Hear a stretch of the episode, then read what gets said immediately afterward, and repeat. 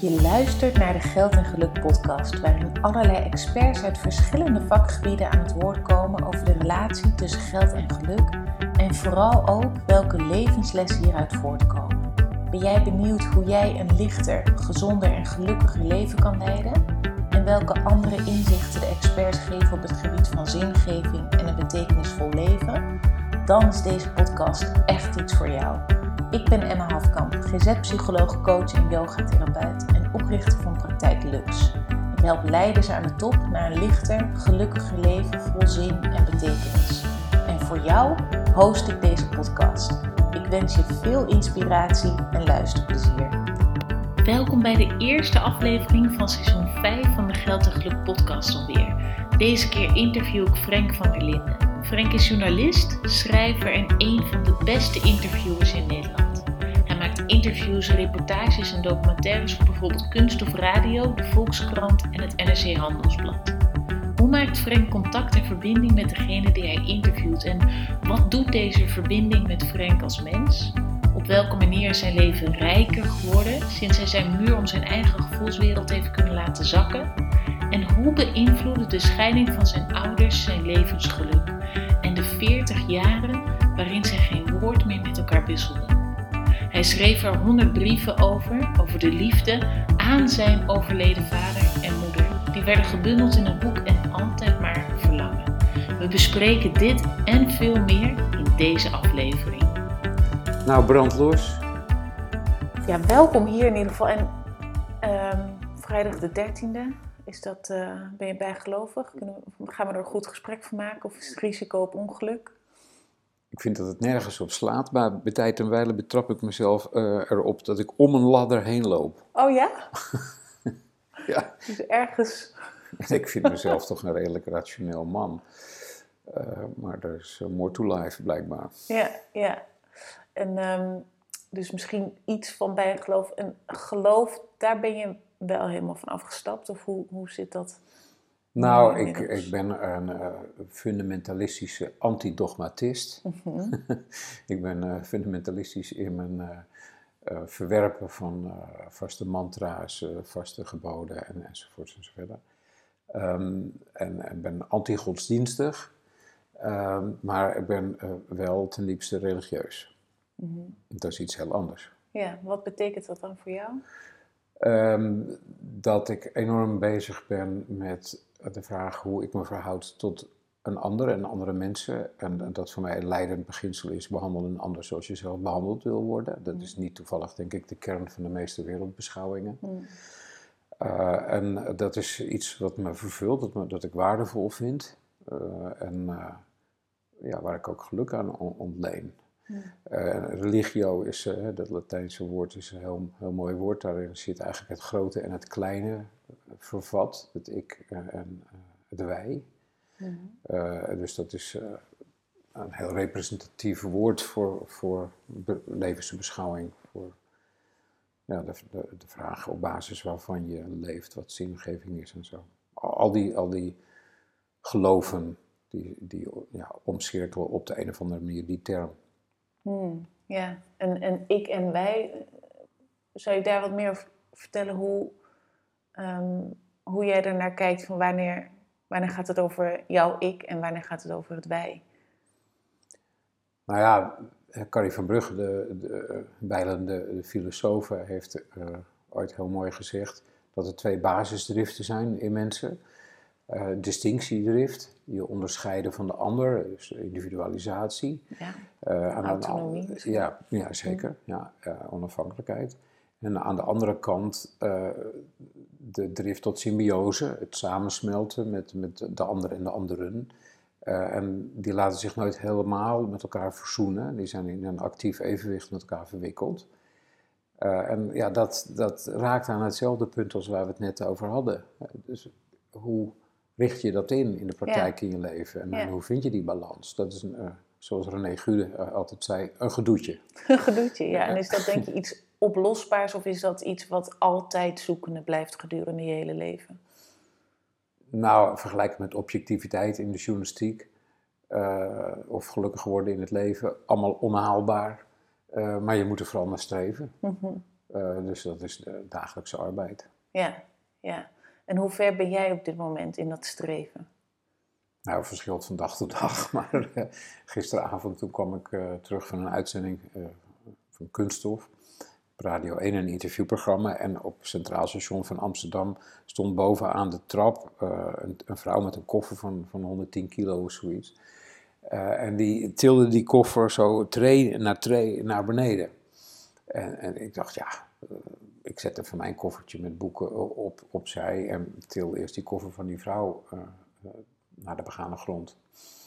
En toen schoot iemand me aan en die zei, maar u bent toch die bekende Nederlander? en toen moest ik zo lachen, alsof je dan ontslagen bent van de, de kans om een ander, uh, of de plicht een ander te helpen. Ja. En ik, ik ging een beetje juichend door het station van Amsterdam en ik dacht, wat ben ik toch een goed mens. maar er zijn ook dagen dat ik zulke mensen straal voorbij loop en alleen met mezelf bezig ben. En dan zie ik een Frank van der Linden die tot minder, ja, nou ja, minder, die, die minder uitnodigt tot lofprijzing. Mm.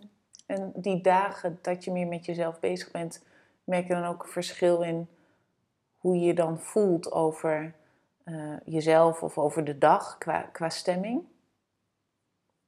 Ja, dat, dat, dat is zeker zo. Op het moment dat Milou, mijn, uh, mijn geliefde, uh, zegt van hoor je me of, of, of ben ik in beeld of zo, dan, ja, dan realiseer ik me dat het weer eens een keer zover is. Kijk, ik kan, ik, ik kan 48 uur in, uh, in 24 uur werken. En ik ben heel slecht in luieren. En er zijn altijd 97 projecten door elkaar heen. En dat wreekt zich heel, heel regelmatig. Ja. Hoe uitzicht dat dan?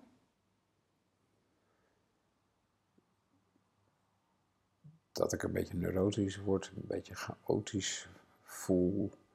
Dat anderen uh, een haastige man zien. Mm. Uh, en, en, en zoals Milou aangeeft dan, zich onvoldoende gezien, gehoord, gevoeld worden door mij. Door mij ja.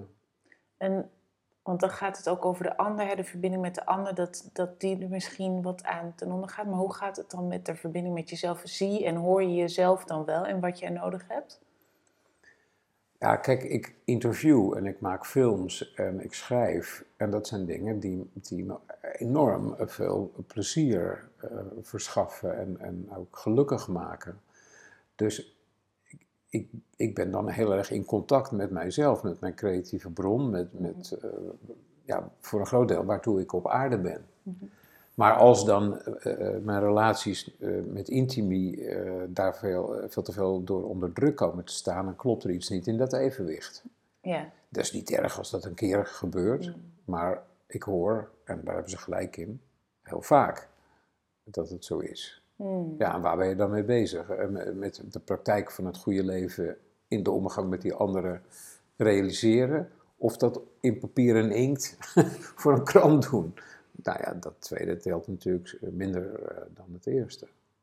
Ja, en, en, en dan, want je zegt natuurlijk, maar goed, dat hoeft natuurlijk niet zo te zijn. Dat is in ieder geval voor jou blijkbaar zo dat, dat de relaties met intimie belangrijker zijn dan uiteindelijk wat je inderdaad op papier krijgt in, in interviews of in ieder geval werkgerelateerd. Ja. Heb je dan altijd iemand anders nodig die jou dan terugfluit? Of kan je ook zelf tot die vertraging komen en doorhebben: hé, hey, ik ben nu eigenlijk de relaties met de mensen die echt voor mij belangrijk zijn aan het, nou ja, om het groot misschien te zeggen, te verwaarlozen? Ja. Ik kan het uh, zo langzamerhand gelukkig uh, uh, zelf heel behoorlijk. Dat, dat, dat hoor ik van mijn zus, met wie ik heel, heel erg goed ben. Hmm. Dat, dat hoor ik ook van Milou en, en vrienden. Maar het heeft wel wat gekost om daar te komen. Um, en ik hoor, godzijdank, uh, bij tijd en wijle ook dat ik die kritiek op mezelf overdrijf. Uh, dus ik ben bijvoorbeeld twee keer gescheiden en, en allebei mijn ex-genoten zeggen, tuurlijk, je, je, werkt heel hard en dat legde af en toe echt wel pressie op, op ons bestaan. Maar joh, dat had in, in de kern helemaal niets te maken met dat wij gescheiden zijn. Hmm. Uh, dat ging over hele uh, andere, andere dingen. Dus je, je moet jezelf daar niet voor met de, een zweep op je rug slaan. Uh, het was een, een aspect, maar zeker geen prevalerend aspect. Dus ik kan mezelf misschien af en toe een beetje te pittig de maat nemen op dat punt van dat werk. Het zal te maken hebben met mijn vader die 80 of 100 uur in de week op een vrachtauto zat. Mhm. En mijn moeder die voelde zich door hem begrijpelijk uh, wel degelijk verwaarloosd. Mhm.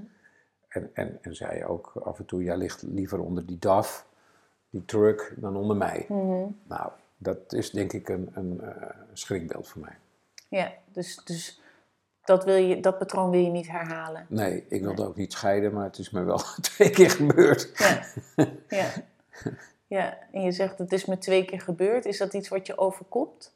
Nee, natuurlijk niet. Dat is een mm. terechte vraag. Ehm, nee, daar, daar heb ik uh, mede de hand in gehad. Mm.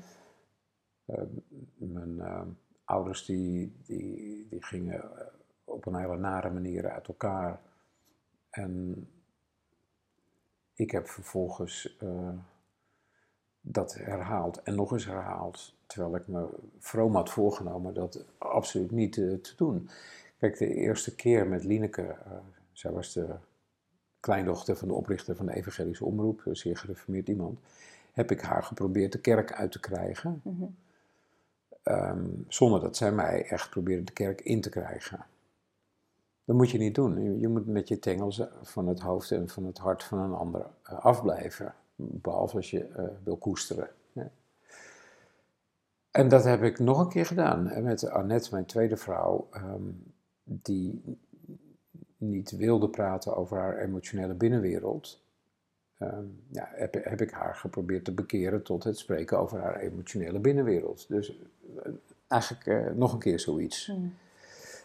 Wat gij niet wil dat u geschiet, hè, doet het ook een ander niet. Nou, dus ik ben hardleers. Uh, en ik, ik, de, ik, denk dat ik, dat ik wel wat ben gevorderd nu. maar zo ging dat. Hmm. Is het jou ook wel eens overkomen dat iemand geprobeerd heeft om jou tot iets te bekeren? Nou, kijk, niks ten nadele van Lineke, met, met wie ik nog steeds heel goed ben. zij is een zus voor mij. En ook een deel van mijn geweten. Maar uh, het was bijvoorbeeld wel zo dat wij van haar God niet met elkaar naar bed mochten voor het huwelijk. En dat is voor een jongen van, uh, laten we zeggen, 23, 24, 25, die op de top van zijn viriliteit is. Ik, ik, ik heb het nu puur over fysieke feiten. uh, heel moeilijk.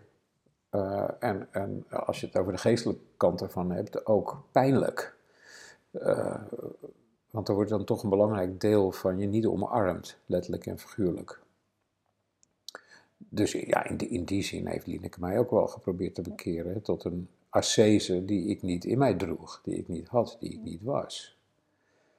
En Annette op haar beurt ook, uh, want zij zei tegen mij, ja, je wilt dat ik praat over mijn emoties, maar Frank, um, je interviewt daarover maar uh, wat je wil. Uh, het spijtige is alleen, dat is geen exacte wetenschap. dat zijn allemaal aannames uh, je veronderstellingen over hoe je leven is verlopen door je relatie met je ouders en uh, de sociaal-maatschappelijke omstandigheden waarin je leeft. En je theoretiseert maar vrolijk voort. Wat mij betreft veel succes daarmee. Maar het is allemaal drijfzand. het is geen natuurkunde, geen scheikunde. dus op haar eigen manier bestookte zij mij ook weer. Die liefdes waren in hun voor- en in hun nadelen tango's waarin we elkaar verstrengeld hielden. Dus ik was niet alleen maar de schuldenaar, de schuldige, uh, toen het misging. We, hadden allebei, uh, uh, en ik, Annette en ik, een rol daarin. Dus we bekeerden elkaar op verschillende manieren. Alleen hadden we allebei beter niet kunnen doen. In mijn jeugd was er een, een, boekje dat ik las, De Profeet van Khalil Gibran. Mm uh, en dat heb ik uh, toevallig een, een, paar jaar geleden nog eens herlezen. En daar staat in de liefde, in het hoofdstuk over de liefde, de eik en de cipres groeien niet in elkaars schaduw. Als je een mooie boomgaard wilt hebben, blijf een beetje bij, bij elkaar uit de buurt. Ja. Ja, fantastisch. Ja. Ja, en, en de vraag die ook bij mij opkomt is, uh, want je zegt, nou ja, ik had me stellig voorgenomen om niet die vechtscheiding uh, van mijn ouders, die je uh, prachtig aan bod laat komen in je boek, waarin je honderd brieven schrijft, maar ja. daarvoor laten we wel wat meer, maar om dat niet te gaan herhalen en toch is dat twee keer gebeurd.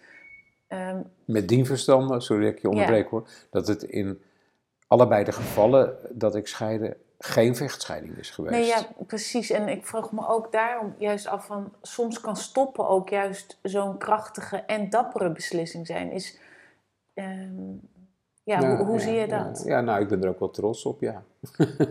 Want uh, ik heb toch maar onder ogen durven zien...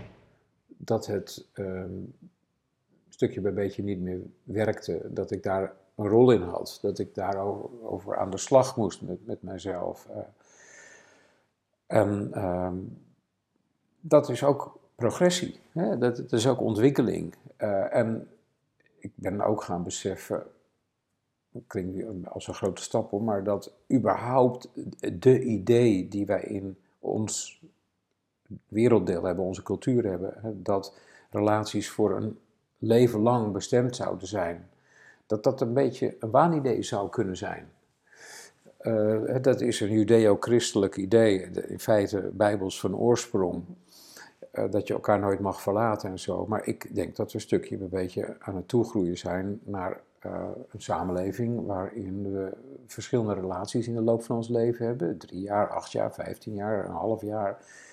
Um, dat het ook voorkomt dat je uit meerdere van die relaties uh, kinderen hebt, dat gezinnen anders worden samengesteld, nu al, maar zeker in de toekomst dan voorheen. Um, dus het is in mijn ogen ook hoe langer hoe minder een ramp uh, en een vloek om te scheiden. Maar hoe doe je dat? Ja. Uh, hoe doe je dat fatsoenlijk? Hoe doe je dat ja. eigenlijk met behoud van liefde? Ja. Kijk, ook van Annette, mijn tweede vrouw, hou ik nog steeds heel veel. en dat het voor Annette niet mogelijk is om meer uit te wisselen dan af en toe een mailtje, dat snap ik. Uh, ik was haar eerste liefde, die zij ontmoette op haar 32ste. Nadat we zijn gescheiden, 15 jaar geleden, is er ook geen nieuwe liefde in haar leven gekomen. Dat is pijn, dat is moeilijk, dat snap ik. Uh, maar ik weet zeker dat er over en weer nog steeds hele sterke gevoelens zijn. Nou, Lineke, daar vertelde ik al over. Dus ja, pa, ma, zou ik kunnen zeggen tegen mijn ouders. Dat is me dan toch maar gelukt. Mm. Ja, ja. Ja, en, en wat heb jij daarvoor nodig gehad? Dat dat Die twee, die vader en die moeder, die het uh, met bloed, zweet en tranen en, en, en, en modder en smeurie en uh, andere giftige sappen uh, deden. Hmm. Ja, het is natuurlijk wel een grote les geweest om dat mee te maken thuis, hoe dat ging. Daar heb je ook wat aan. Um, ik gun het bij wijze van spreken iedereen. Uh, en ik had het zelf ook allemaal niet willen missen. Hmm. Want wat is dan jouw grootste les daaruit? Het was aanschouwelijk onderwijs om mensen elkaar te zien afslachten. Uh, en het was natuurlijk ook verwondend. Uh, ja, als mensen niet bij elkaar passen, en dat bleek na verloop van tijd, en je ziet dan dat ze dat niet in, in, goede bewoordingen weten te gieten, niet in goede handelingen weten te gieten, maar dat het bijna, overdreven gezegd, moord en doodslag wordt. Uh, met, bedrog uh, en met geestelijk geweld, soms ook fysiek geweld, uh, gedoe met politie, uh, een, een, een, kloof die tussen familieleden wordt ge, geschapen, bu, bu, de hele buurt die zich ermee bemoeit en je ook in kampen uiteenvalt, een dorp dat zich ermee bemoeit. ja, dan, dan, dan, dan denk je, uh, ik steek hier wel wat op. Hmm. In het begin is dat besef natuurlijk niet zo sterk. Nee, want je ouders gingen uit elkaar toen jij 13 was? Ja, zo, het, het liep vanaf mijn 11e tot mijn 14e zo'n mm. beetje. Mm. En, en daarvoor was het natuurlijk al de aanloop dat je merkte, er gaan dingen niet goed. Ja, ja. En toen heb je vervolgens tien jaar lang ongeveer geen contact gehad met jouw moeder? Tien jaar niet gewild zelfs. Mm -hmm. Kan je het moment beschrijven dat je voor het eerst de gedachte of het gevoel had, ik ben toch wel nieuwsgierig naar wie mijn moeder is. ja, kijk, ik wilde haar, ehm, net als mijn zusje Desiree, die ik denk ik op sleeptouw had, eerlijkheidshalve, niet zien, niet meer zien, omdat zij uh, ja, mij, Desiree en mijn vader had verlaten en daar ook nog eens uh, ja, die, die, die John van haar, dat, dat was een klootzak. De, de wijze waarop die twee die liefde hadden vormgegeven. Met dat was haar minnaar. Ja, al die leugens, dat, was, dat kon, kon ik gewoon niet aanvaarden. Mhm. Daar was ik woedend over en verdrietig over. Vandaar die jarenlange afstand. En ja, toen Lieneke en ik elkaar wat beter leerden kennen, uh, ontdekte ik natuurlijk ook stukje bij beetje dat ja, zij soms gelijker had dan ik wanneer we ergens over streden. Of dat ze wijzer was dan ik. Uh, en een andere keer andersom. Een, een, stukje bij beetje ondervind je aan de lijf hoe gecompliceerd een, een verhouding is. Um, wat een wisselbare ding dat is. En dan komt automatisch ook het, het, het, het, besef mee van wacht even, dat kan dus tussen mijn vader en moeder ook niet zo simpel zijn geweest als ik lang heb gedacht. Mm. Dus dat begint in te sijpelen. Ja, en als er dan iemand is, een pastoraal werker, ehm, die uh, in de zwakzinnige inrichting actief was, waar deze uh, werkte. Mhm. Ja, een pastoraal werker die, die vraagt, joh, ik ben benaderd door je moeder, zouden jullie eens met haar willen praten? Wordt dat zo langzamerhand niet de tijd? Ja, dan helpt dat ook. Het allerbelangrijkste was denk ik nog dat Lineke op een gegeven moment zei, het is jouw volste recht om je moeder niet meer te willen zien. Ehm, maar ik hoop dat je respecteert dat het mijn volste recht is om, om eens met haar te gaan corresponderen en misschien een kop koffie met te gaan, te gaan drinken. Want ik ben gewoon heel nieuwsgierig uit wie jij bent voortgekomen. nou, ik had het gevoel dat ik links en rechts werd ingehaald. Ehm, en toen kwam Lineke thuis met verhalen over hoe leuk mijn moeder was en en hoe slim en hoe charmant. En natuurlijk ook uh, neurotisch. Ik heb het niet van een vreemde. Ehm, maar ja, alles bij elkaar kon, kon het niet uitblijven dan uh, dat wij haar opzochten of dat ze, dat ze bij ons langs mocht komen. Ja. En waar zit jouw nieuwsgierigheid dan in? Wie ben ik? Uh, natuurlijk, wie is zij? Maar ja, dat valt samen met wie ben je zelf. Dat is iemand die, uh, die jou in haar schoot heeft gedragen. Dat, dat is iemand die, die je heeft gevoed, die uit wie je voor, voor een heel, heel, groot deel bestaat als het gaat om je DNA en je karakter en, en de, hele, de hele handel. Dus je, je, je krijgt de kans om, een, een, ja, om jezelf beter te leren kennen, want we zijn elkaar. Ja. Je zei ergens, of je beschreef ergens, dat weet ik even niet meer zo goed, maar dat het moment dat je haar zag, dat dat een van de mooiste momenten is in je leven. Wat, wat maakte het zo mooi? Nou, toen zij de trap opkwam met haar keurig gekapte haartjes en uh, ik geloof in een broekpak of zo, ja, met, een, met een, tasje zo aan haar arm. Hadden deze en ik met elkaar afgesproken, we gaan natuurlijk uh, wel even afstand houden. Moet je luisteren, tien jaar, en uh, die straf heeft ze ook wel verdiend. En, het is goede tierenheid van ons dat wij haar nu weer gaan tolereren. En, dat soort kinderlijke voornemens. Maar zij was nog niet boven aan de trap of we vlogen eigenlijk in mekaars arm. ja, fantastisch moment. Uh, en uh, ik weet nog dat ik binnen een halve seconde of zo uh, besefte: er is maar één iemand op de hele wereld die zo ruikt. En dat is mijn moeder. Dit is mijn moeder. Ik kan hier eigenlijk nooit met droge ogen over vertellen. Zie het. Ehm, en ja, dat was dus een heel erg dankbaar ogenblik. Mm. Toen was het eigenlijk al goed. Mm. Dan moet er daarna nog van alles gebeuren en bijgepraat worden. Maar in essentie was het toen al goed. Ja, ja. heel bijzonder. Want ik moet zeggen dat ik delen van je verhalen herken en delen ook absoluut niet in de zin van dat ik acht jaar lang geen contact met mijn vader heb gehad en vanuit nieuwsgierigheid ook die eerste stap heb gezet. En, uh, dus ik was heel benieuwd wat maakte, want ik heb helemaal niet zo dat gevoel dat dat het mooiste moment of een van de mooiste momenten was in mijn leven toen ik hem weer voor het eerst zag. Misschien had jij hem ook niet echt gemist. Uh, nee, dus dat is denk ik ook heel ik anders. wel. Ja, precies. En, ja. en ik heb hem ook niet. Uh, het is een donorvader in eerste instantie geweest, dus ik, heb hem ook, ik ben ook niet met hem als vader opgegroeid. Nee, ja. Dus de hele voorgeschiedenis en de aanloop is heel anders. Maar ik was heel benieuwd hoe dat dan zo voor jou voelde. Maar dat, dat klinkt bijna alsof het echt thuiskomen is. Ja, maar dat kan niet meer. Hmm. Dat, dat, dat blijkt dan in de loop der jaren niet meer ten volle mogelijk. Hmm. Want wij kregen aan de ene kant een geweldige relatie, misschien zelfs wel te goed. Ik kon met mijn moeder ook gesprekken voeren over wat zij lekker vond in bed Hmm. en, en wat niet. En, dat- en, en ook aan mijn kant. Nou, het is een paar millimeter te ver, denk ik nu. Ehm, maar anderzijds konden wij eh, niet meer, nooit meer ruzie maken. Want ik vermoed dat zij het niet aandurfde, omdat ze dacht, straks loopt de jongen weer weg. En andersom dacht ik, ja, ik heb haar alles verwond, tien jaar lang. Dat ga ik niet nog een keer doen. Dus er sluipt iets onnatuurlijks in. Hmm. Dus eigenlijk waar je het eerder had over de ik en wij. En die, eigenlijk die symbiose, die, de ik mocht er bij, kon er eigenlijk bijna niet meer zijn. Ja, dus dat evenwicht dat is eigenlijk eh, definitief eh, verstoord. Hmm. Zo er al, zeg ik maar, bij evenwicht tussen ouders en kinderen te organiseren valt. Eh, dat is, geloof ik, überhaupt niemand gegeven. Ja.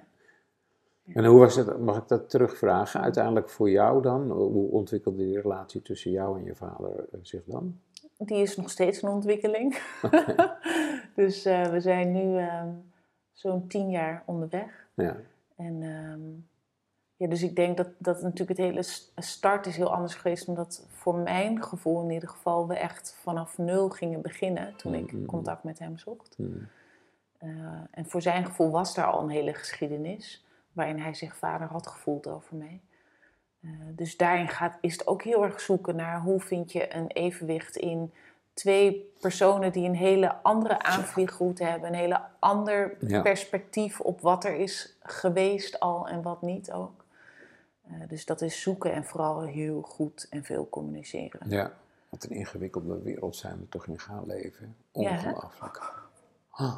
En dat wordt alleen nog maar ingewikkelder ook door steeds meer vermenging met mensen uit andere culturen. Ja. En, en, eh, eh, milieus mengen veel makkelijker dan voorheen, maar tegelijkertijd in de praktijk helemaal niet zo makkelijk. En, dus de hele relationele omgeving waarin we ons bewegen, die zal steeds sterkere eisen aan ons stellen. Ja, omdat het complexer kan worden in ieder Ja. geval. Ja, en ik was ook wel benieuwd, want waar het gaat over relaties, ehm, gaat het naar mijn idee altijd over hoe erg ben je met elkaar verbonden.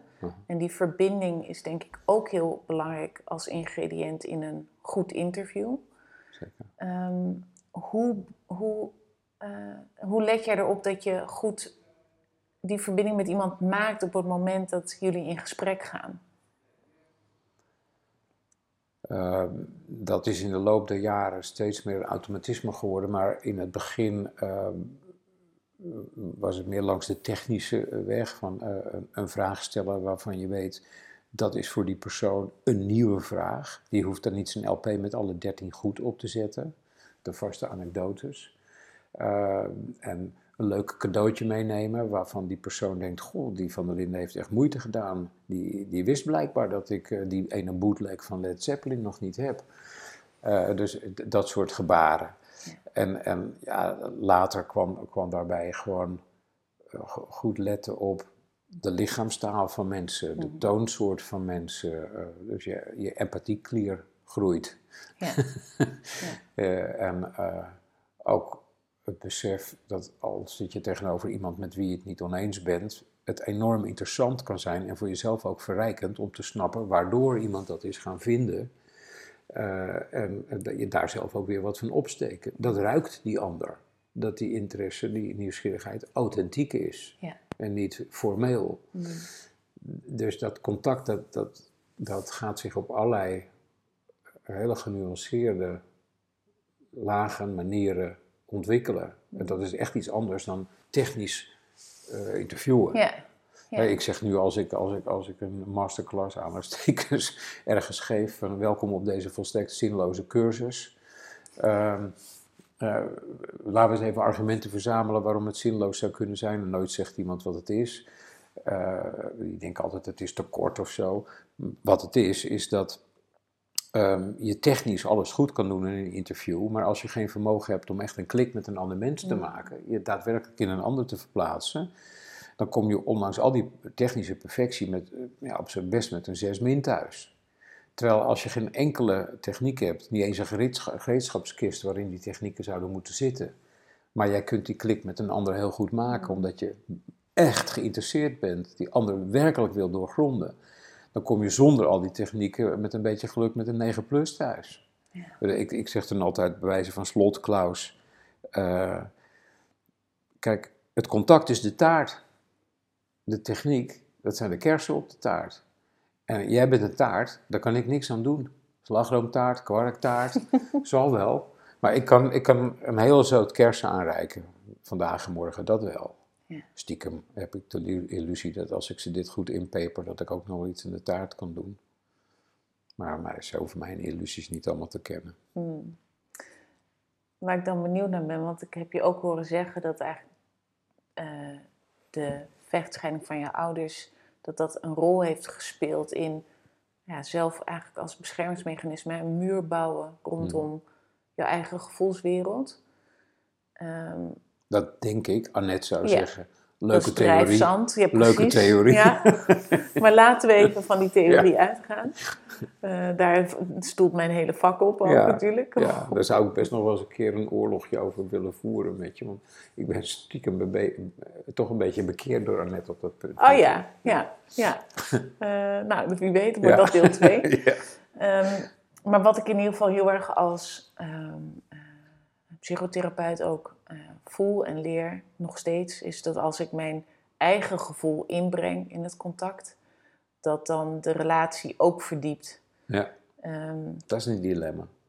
Ja, want hoe, hoe doe je dat als je zo'n muur om je gevoelswereld hebt ehm, en dan toch uh, die verbinding maken met de ander in interviews of gewoon in je privéleven. Maar hoe, ja, hoe heb je dat gedaan of hoe kijk je daar nu op terug nu die muur gezakt is of misschien wel weg is? Nou ja, die, muur bouw je niet actief. Het is niet zo dat je denkt, ik ga eens lekker metselen om me heen. Ehm, je komt meer op een zeker moment, ik kwam meer op, op een gegeven moment tot de ontdekking van, hé, hey, uh, het is voor mij uh, heel moeilijk om echt te vertellen hoe ik me voel, wat ik denk, wat er in mij woelt. Um, maar dat wil niet zeggen dat die andere domkoppen zijn die het niet zien en niet uh, ontwaren. Uh, en ik vermoed dat heel veel mensen al, al vanaf dat ik jong was, uh, 18, 20, zich uh, als geïnterviewde aan me hebben uitgeleverd. Doordat ze um, het idee kregen, nou die jongen die snapt wel wat ik zeg. Uh, die heeft zelf zo te voelen het nodige meegemaakt. Of die straalt iets uit waardoor hij het goed oppikt.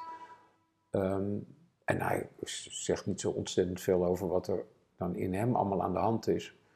Maar uh, ik heb het heus wel in de gaten. Mm. Zoiets moeten die geïnterviewden denk ik toch wel hebben gehad. Mm. Want we communiceren natuurlijk op veel meer manieren dan alleen in lettergrepen. Uh, en in houdingen. Mm. Er, worden pheromonen uitgewisseld. Uh, we begrijpen daar nog steeds heel veel niet van, denk ik, van, van die communicatie. Dat is mijn veronderstelling, dat dat, dat zeker zal hebben geholpen. Ja. En een ander, ander punt wat me te binnen schiet als we het er zo over hebben, is dat ehm, je ook dingen in de weg kan staan als je het benoemt. Als je, als je geen muur om je heen hebt. Mhm.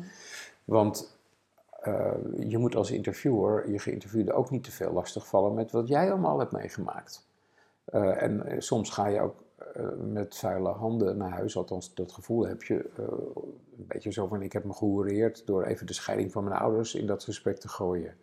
Uh, of pijn die ik zelf ooit heb gehad als, als oorlogsverslaggever ergens. Dan denk je, ja, dat heb ik gewoon ingezet om die ander los te weken in dat gesprek. Bah. Dus er zijn ook mates in. Ja. en dat zal misschien voor jou als therapeut ook wel gelden. Dat mm. je denkt, ja, wacht even ik moet wel iets van mezelf laten zien, maar don't overdo it. Mhm. Toch? Zeker, ja. Dat blijft altijd zoeken. En dat is, bij de een kan je, ga je ook wat verder dan bij de ander, bijvoorbeeld. Ja, Ja, ja. ja en, en wat maakt dan hè, dat je bij de een verder gaat dan met de ander? Dat is wel heel ingewikkeld terrein. Ja, ja en, en ehm, onder andere door de film die je hebt gemaakt over, nou ja, zou je kunnen zeggen, de verzoening van je ouders. En daarna natuurlijk de honderd brieven die je hebt geschreven aan je ouders. eh, heb je gezegd van nou toen is die muur gaan zakken of die iglo gaan smelten en ben ik Ja. veel meer gaan voelen. En Nou, ik voelde ik- het wel, maar kon er niet bij. Nee, ja, precies. ja. Dus, dus volgens mij noemde je ergens van dat je nu, eh, of toen in ieder geval meer een labiele dweil af en toe was. Sentimentele jurk. Blijkt vandaag ook weer, toch? Ehm, zijn je gesprekken daardoor ook anders geworden Ja, met zeker. mensen? Ja, zeker. Ja, ja die, die film Verloren Band, die, die gaat nog meer eigenlijk over de oorlog tussen mijn ouders dan over de verzoening. Want de verzoening was het gevolg van de film. De film eindigde met de woorden van mijn vader, ik wil je moeder nooit meer zien, ik ga nog liever dood. Maar dan komt dat zinnetje in beeld. Hè, een week voor de uitzending van deze documentaire hebben mijn ouders elkaar ontmoet eh, en, en omhelst. Ehm, nog even één keer je vraag. Je, je Nou, zei- dat, dat je eigenlijk de beweging onder andere door deze gebeurtenis en door het schrijven van je boek Ja. eh, hebt gemaakt om die muur af te bouwen. Dus eigenlijk veel meer contact bent gaan maken in het uiten van je emoties. Ja, Eh, of dat je gesprekken met anderen heeft Zo veranderd of ja, beïnvloed. excuus, ja. Ehm, nou, ik had inderdaad toen ik mijn vader en moeder in mekaars armen zag staan en drie uur lang als tortelduiven op de rand van de bank met elkaar zag praten, voor het eerst beschikking over tranen in 40 jaar. Ik heb echt drie jaar, eh, drie eh, uur zou ik moeten zeggen, overdrijf niet Frank, met een Kleenex-doos erbij zitten janken. En mijn collega's en ook mijn vrienden en familieleden zeggen: er is een Frank van voor die film en een Frank van na die film. Niet alleen als persoon, maar ook als interviewer. Eh, en, en het boek En Altijd maar Verlangen, van een jaar of wat later, toen mijn ouders beide waren overleden, heeft dat nog weer extra versneld of verdiept. En ik vind het nu hartstikke fijn dat ik, ehm, dat ik wel eh, tranen kan vergieten. Dat, dat, dat ik wel mensen makkelijker aanraak. Dat ik wel mijn hart kan openzetten. En eh, dat dat ook in mijn vak beter gaat dan, dan voorheen. Want Dus, wat eh, brengt het je dan? Dat, dat het meer, eh, nou, dat die emoties meer mogen stromen? Dat ik het idee ben dat er, het idee heb dat er ik niet meer zo'n gehandicapte man ben. Want dat voelde ik me echt wel gehandicapt iemand.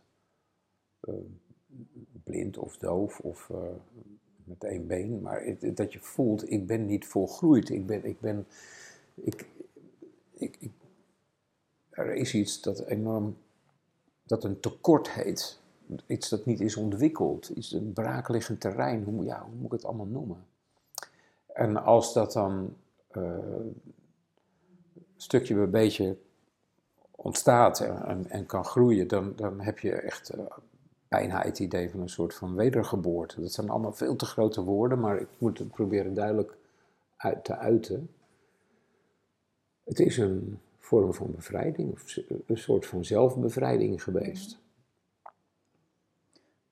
Zou je ook kunnen zeggen dat het leven meer eh, kleur krijgt, of dat je in ieder geval meer kleuren tot je beschikking hebt eh, als je meer emoties kan voelen en kan uiten? Ja, zon- zonder meer. Kijk, zwart-wit fotografie is eh, wonderbaarlijk genoeg vaak interessanter dan kleurenfotografie. maar als je het over, over, over personen hebt, dan, dan denk ik dat er nu inderdaad veel meer verschillende soorten verf op mijn canvas zitten. En, en dat dat alles bij elkaar een veel mooier beeld oplevert dan het beeld van, van voor deze ontwikkeling. Maar het is vooral iets dat fijner voelt, kloppender voelt, echter voelt. Dat het weliswaar zoeken is als het gaat om het evenwicht tussen verstand en, en, en, en, en emoties. maar dat het toch heel fijn is om, om daar naar te zoeken en om een stukje bij een beetje daar meer balans in te ervaren. Mhm. Ik, ik, ik voel me vaak nog wel een beetje hinkend hoor. Dus niet meer hinkend omdat je bevroren bent, maar hinkend omdat de emoties dan een soort van als vloedgolven kunnen komen? Ja, dan, dan, dan is het in een heel erg overgedoseerd. Mm. Of dan wantrouw ik. Mijn, eh, mijn, eh, eh, als ik dan aan jou vertel over die ontmoeting, die reunie met mijn moeder, dan denk ik, is dat nou een echte emotie? Of vind ik dat ik nu geëmotioneerd moet zijn? Mhm. Dus er is een heel, een, vaak een enorme dubbele dialoog of zo in mij aan de gang. Ja. Lastig.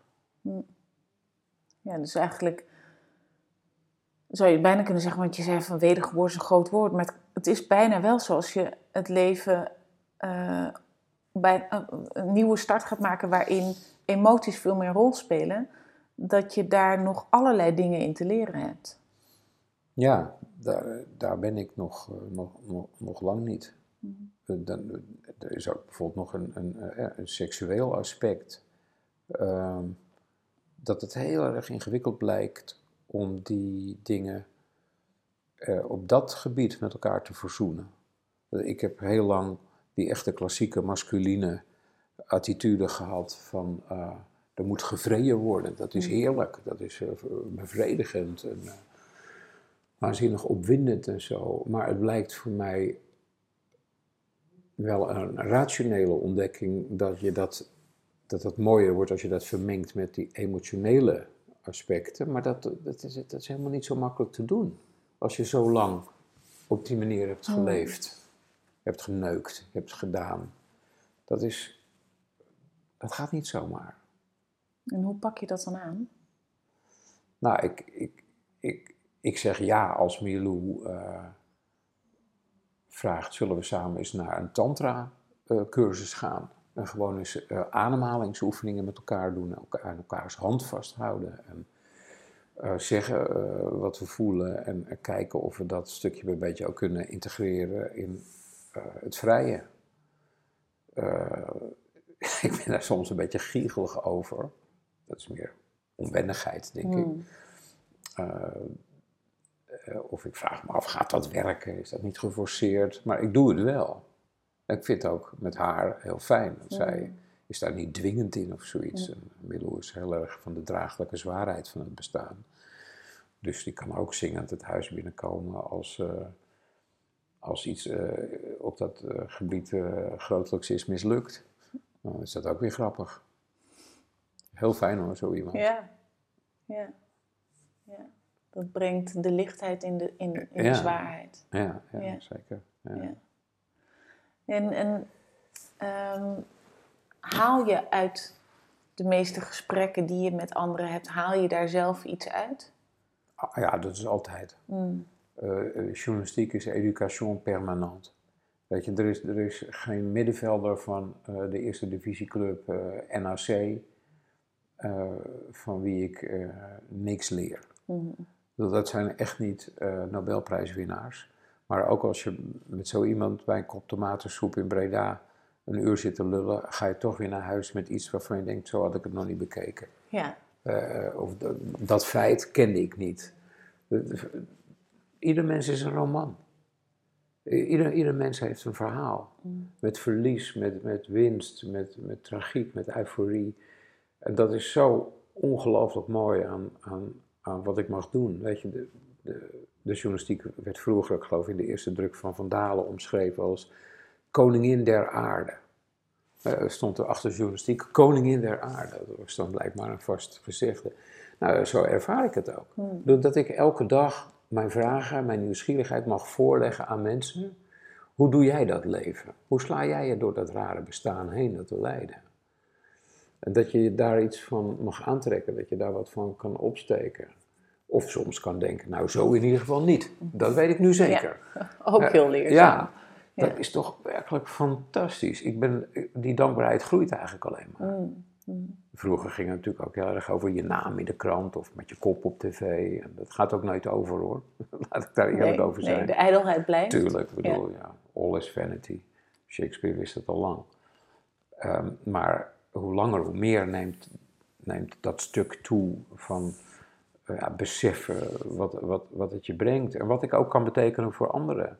Uh, als, als ik in de Volkskrant een aflevering uh, publiceer met, met mijn collega Webeling in de serie Hoe besta je na? over hoe mensen uh, verlies van dierbaren verwerken. Een kind, een ouder, een partner.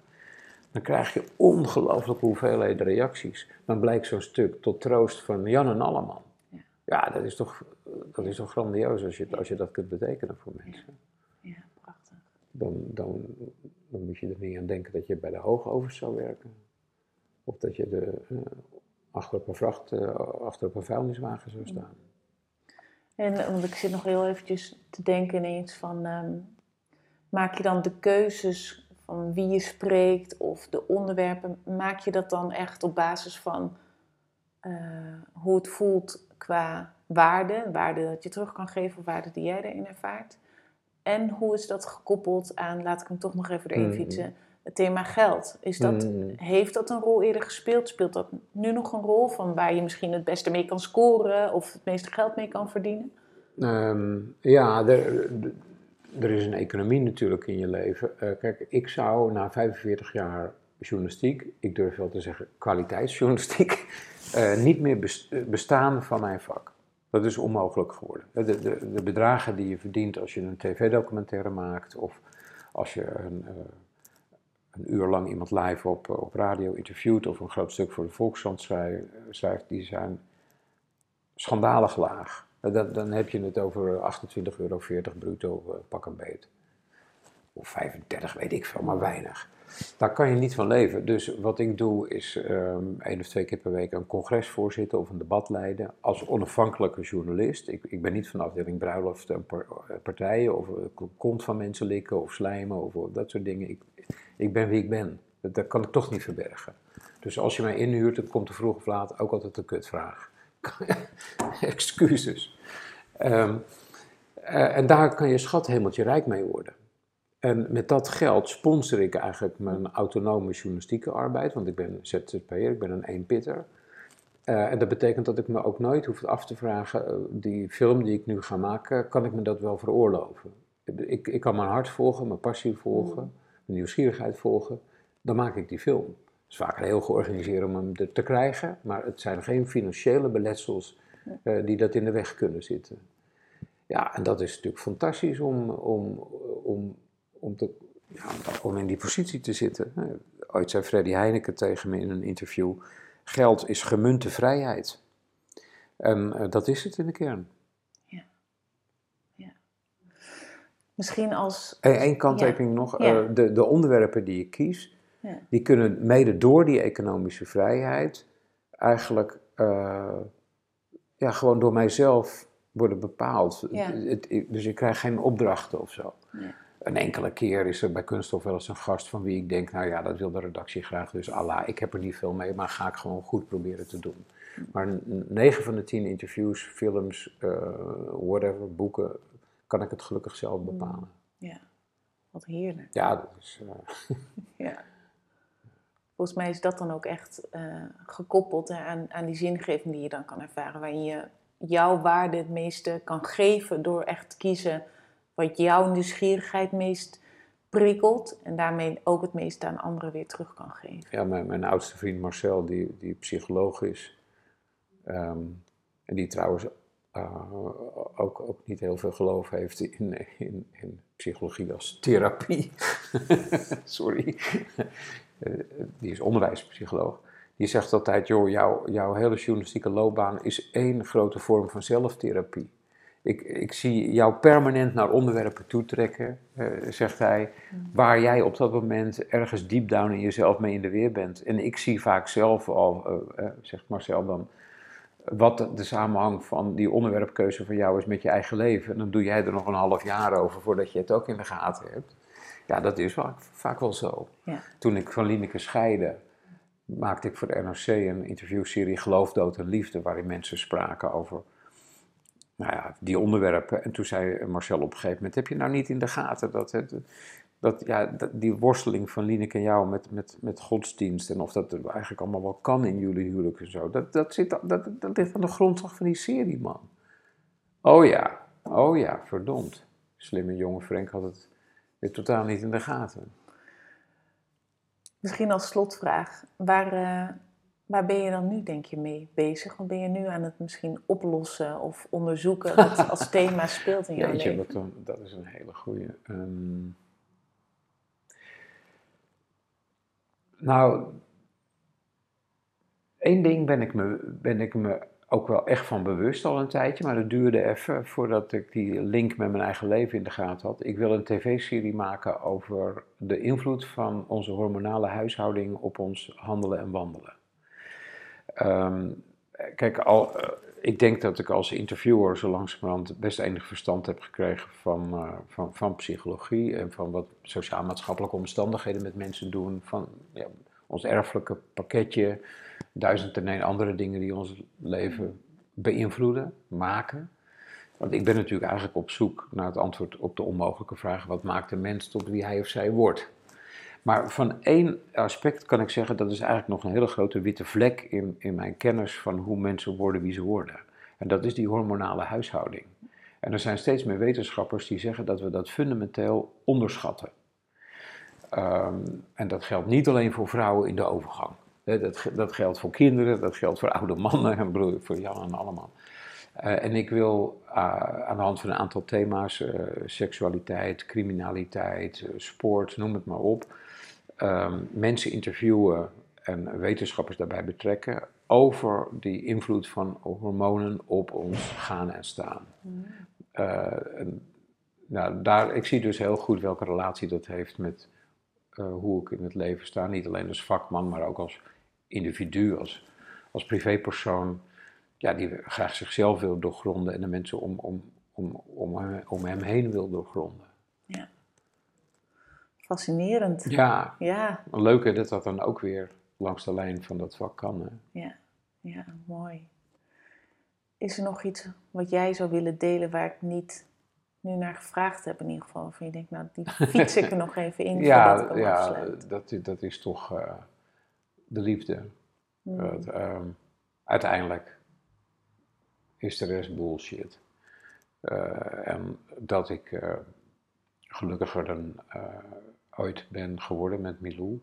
En, en, en een, ja, een hele fijne relatie met haar heb. Die, die iedere keer weer naar nieuwe dingen leidt en, en ontdekkingen en uh, andere lagen. Dat is uiteindelijk, uh, denk ik, waartoe ik op aarde ben en niet, op die, uh, niet per se om die journalistieke dingen. Die zijn veel meer de gehandicapte stok. ja. Ja. Dus, dus, stel je hart open en ontvang en geef de liefde. Ja, vier dat. En uh, dat heb, heb ik uh, met vallen en opstaan geleerd. En ik ben uh, heel erg blij dat dat, dat, dat dat voor elkaar aan het komen is. Mm. Wie had dat gedacht? Ik zelf echt heel lang niet. Mm. Er is hoop voor iedereen. dat is notabene een oude EO-leus. oh, ironie, dankjewel Lieneke. dankjewel. Jo. Ik hoop dat je genoten hebt van de aflevering en dat je geïnspireerd bent geraakt. Wil je geen enkele aflevering missen? Abonneer je dan op de Geld en Geluk podcast door op de knop volgen of abonneer te klikken. Ook zou ik het ontzettend waarderen als je een review achter wil laten in de app waarmee je deze aflevering hebt geluisterd. En heb je nu het gevoel dat jij ook op zoek wilt gaan naar hoe jij een lichter, gelukkiger en meer betekenisvol leven kan gaan leiden? Bekijk dan mijn aanbod op de website www.praktijk-lux.nl of stuur een e-mail naar info.praktijk-lux.nl.